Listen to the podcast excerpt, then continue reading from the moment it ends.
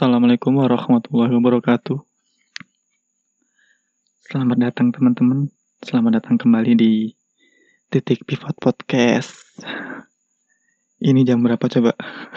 Aku rekaman ini jam 2.15 dini hari.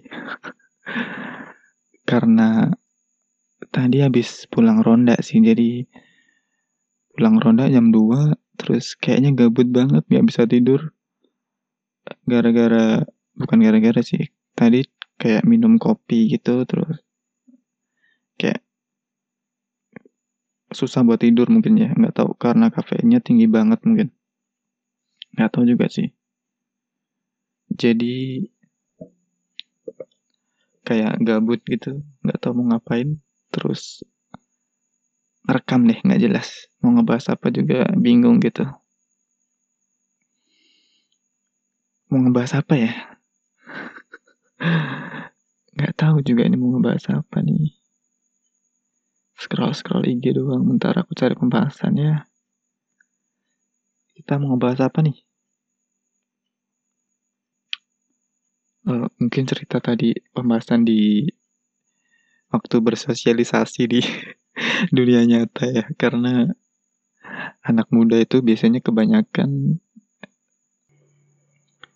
bersosialisasinya di dunia maya gitu. Jadi kurang untuk bersosialisasi di dunia nyata. Karena bersosialisasi di, du di dunia nyata sama di dunia maya itu beda banget. Uh, kalau dunia nyata itu butuh perjuangan banget buat nyari topik buat buat nyari ekspresi yang sekiranya nggak nggak apa ya nggak nyakitin atau nyinggung perasaan lawan bicara kita gitu karena kalau uh, diskusi di dunia di dunia nyata itu kan kita juga harus ngatur gestur tubuh ngatur ekspresi mimik mimik wajah gitu supaya uh, lawan bicara kita itu juga nyaman ngobrol sama kita nyaman diskusi sama kita beda sama kalau kalau kita komunikasi di dunia maya gitu. Uh, tadi tuh waktu ronda, waktu kumpul gitu, banyak topik sih yang dibahas.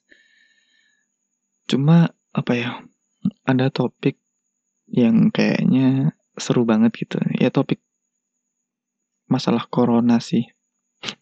uh, mungkin kalian udah juga udah kayak uh, capek gitu ya ngedengerin berita tentang corona, tentang pandemi yang nggak selesai-selesai ini. Ya, nggak tahu kenapa, tapi kayaknya ini topik tadi tuh aku uh, interest banget gitu loh, apa ya, tertarik banget buat ngedengerin, buat nyimak. Jadi di sana tuh ngobrolinnya tuh kalem banget walaupun topik yang dibawa berat ya tapi suasananya tuh santai banget gitu. Uh, ada fakta-fakta yang baru aku tahu waktu aku diskusi di situ waktu aku ngobrol di situ. Uh, fakta yang baru aku tahu tuh yang pertama kalau sebenarnya Jogja itu dulunya tuh bukan dulu sih kemarin-kemarin itu masih zona hijau gitu. Terus makin ke sini dengar cerita-cerita, dengar berita-berita kalau di Jogja itu udah statusnya udah naik jadi zona kuning gitu, bukan zona hijau lagi. Dan status tanggap daruratnya di Jogja ditambah lagi jadi uh, tanggal 31 Juli tambah satu bulan lagi yang dulu uh, tanggap darurat tanggap daruratnya cuma sampai 1 Juni, sekarang menjadi sampai 1 Juli.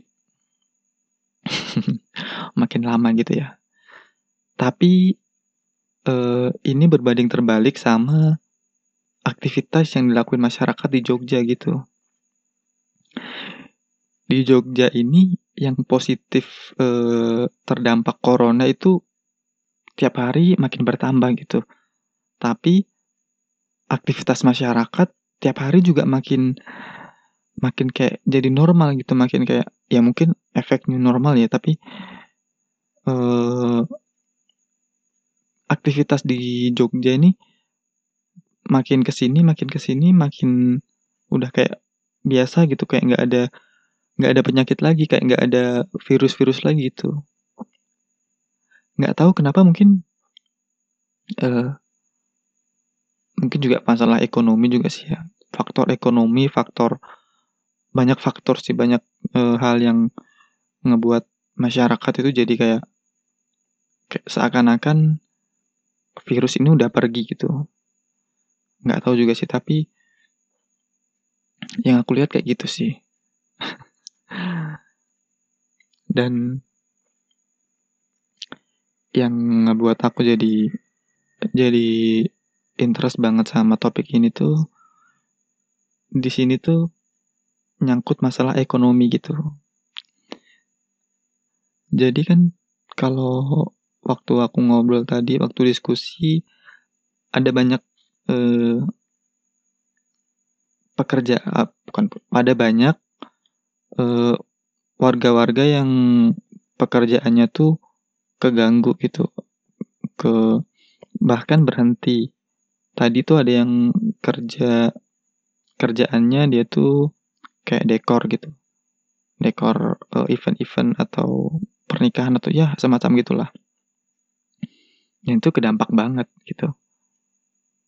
Sampai uh, jam kerjanya dia dikurangin, terus gajinya dia juga dikurangin gitu. Sampai separah itu. Dan yang ngebuat aku jadi di situ tuh kayak bersyukur banget gitu uh, yang bicara ini yang bicara di situ yang diskusi di situ udah pada punya keluarga semua dan pasti punya tanggungan dong pasti punya uh, tanggung jawab buat tetap menghidupin keluarganya beda sama aku yang emang masih jomblo masih belum punya keluarga gitu belum punya tanggung jawab, belum belum punya tanggungan. Nah, mereka ini yang udah punya tanggungan, yang, yang udah punya tanggung jawab, aku lihat di situ kayaknya santai-santai gitu. Ya nggak tahu di pikiran mereka gimana ya. Tapi kayaknya mereka tuh santai banget uh, ngadapin situasi kayak gini ya, walaupun aku, ya walaupun uh, mungkin mereka juga pusing gitu ya, nggak tahu sih. Tapi waktu mereka bicara, waktu mereka diskusi tuh kayaknya mereka tenang banget gitu ngadapin masalah ini. Di situ tuh aku jadi bersyukur banget karena ya mereka kan udah udah punya keluarga, udah punya istri, udah punya anak, eh, menghadapi masalah yang serumit ini, sepelik ini, nggak buat status gitu. Kadang juga malu sih kan teman-teman di WA, teman-teman di Instagram juga orang-orang yang kebanyakan yang lebih tua gitu, lebih lebih dewasa lah. Kalau aku buat status yang buat story yang yang galau-galau gitu juga kalau dipikir-pikir lagi juga malu gitu.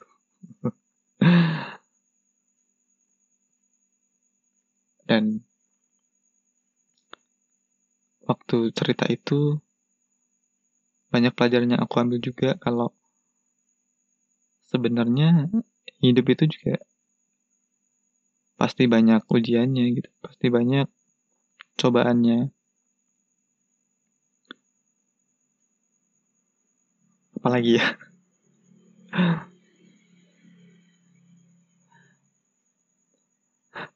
Terus nggak nemuin nih kesimpulan dari cerita tuh apa. Apa coba? Terus kesimpulannya apa dari cerita tadi? Apa ya? Ya kalian bisa simpulin sendiri lah. Kalian bisa uh, cari kesimpulan sendiri. Intinya yang yang aku tangkap tuh kayak gitu. Para orang tua ini, para laki-laki hebat ini, uh, mereka tuh bisa jadi kuat sekuat ini se setabah ini menghadapi masalah tuh terus itu jadi panutan gitu jadi apa ya kayak pembelajaran banget buat aku gitu kalau jadi laki-laki, jadi kepala rumah tangga itu juga harus siap menghadapi apa yang akan terjadi di masa depan. Kita harus menjadi tulang punggung, kita harus menjadi garda terdepan. Pundak kita harus kuat untuk menghadapi semua masalah yang keluarga kita hadapi gitu. Dan mental kayak gitu tuh nggak dibangun selama satu malam. nggak nggak tiba-tiba jadi mental kayak gitu tuh nggak nggak nggak nggak kayak gitu gitu. Mental kayak gitu tuh dibangun bertahun-tahun dengan air mata dengan kesedihan dengan rasa sakit dengan rasa capek. Aku tuh nggak ngerasain tapi tapi masih tahap awal gitu. Rasanya tuh kayak oh, gimana ya capek banget. Terus kembawa ini baper. Gimana ya kalau diingat-ingat tuh. Uh, berat banget sih namanya kehidupan tuh. Ujian dari Allah kalau kita nggak pintar-pintar ngelola hati nggak pintar-pintar uh, berprasangka baik sama Allah nanti jatuhnya kita malah berbuat maksiat kita malah uh, maki-maki takdir Allah maki-maki rencana yang udah Allah berikan. Yang sebenarnya itu baik buat kita yang sebenarnya itu bisa ngebuat kita jadi lebih baik lagi ke depannya gitu Terus apa lagi yang mau dibahas? Dan buat kalian anak muda yang jarang keluar rumah, jarang kalau bahasa Jawanya tuh serawung. Serawung itu kayak kita main ke tempat tetangga gitu. Ya cuma hanya sekedar menjalin ukhuwah gitu. Kalau kalian anak muda nih jarang lakuin, coba kalian lakuin sekali dua kali gitu ngobrol sama orang yang lebih berpengalaman, sama orang yang lebih tua dari kita, sama orang yang emang kayaknya udah expert gitu di bidangnya gitu. Kalian bakal nemuin ilmu-ilmu yang nggak kalian dapat di bangku kuliah, yang nggak kalian dapat di bangku sekolah gitu. Dan ilmu-ilmu dari pengalaman seseorang tuh itu tuh jadi kayak jalan tol banget buat kita gitu. Dari pengalaman orang lain yang udah ngerasain itu selama 10 tahun bisa kita dapetin hanya dalam satu jam uh, waktu kita ngobrol sama dia waktu kita nyari ilmu sama dia gitu. Jadi buat anak muda yang jarang keluar rumah jarang keluar kos-kosan atau kontrakan sekali-sekali main lah sekali-sekali uh, ngobrol sama tetangga ngobrol sama orang-orang uh, di sekitar ngobrol sama tetangga gitu. Jangan membatasi diri kalian sama gadget kalian. Jangan membatasi diri kalian sama urusan kalian sendiri gitu. Karena kalau kalau kalian sakit kalau kalian ada apa-apa kan yang paling mungkin ngebantu kalian ya tetangga kalian ya. Orang-orang yang emang rumahnya atau tempat tinggalnya dekat sama kalian. Nggak mungkin orang-orang yang kalian kenal dari Instagram, yang kalian kenal dari dunia maya yang bakal nolongin kalian gitu. Jadi buat kalian selalu ramah buat selalu ramah sama tetangga. Uh, sopan santun dijaga karena anak muda nih kebanyakan uh, apa ya?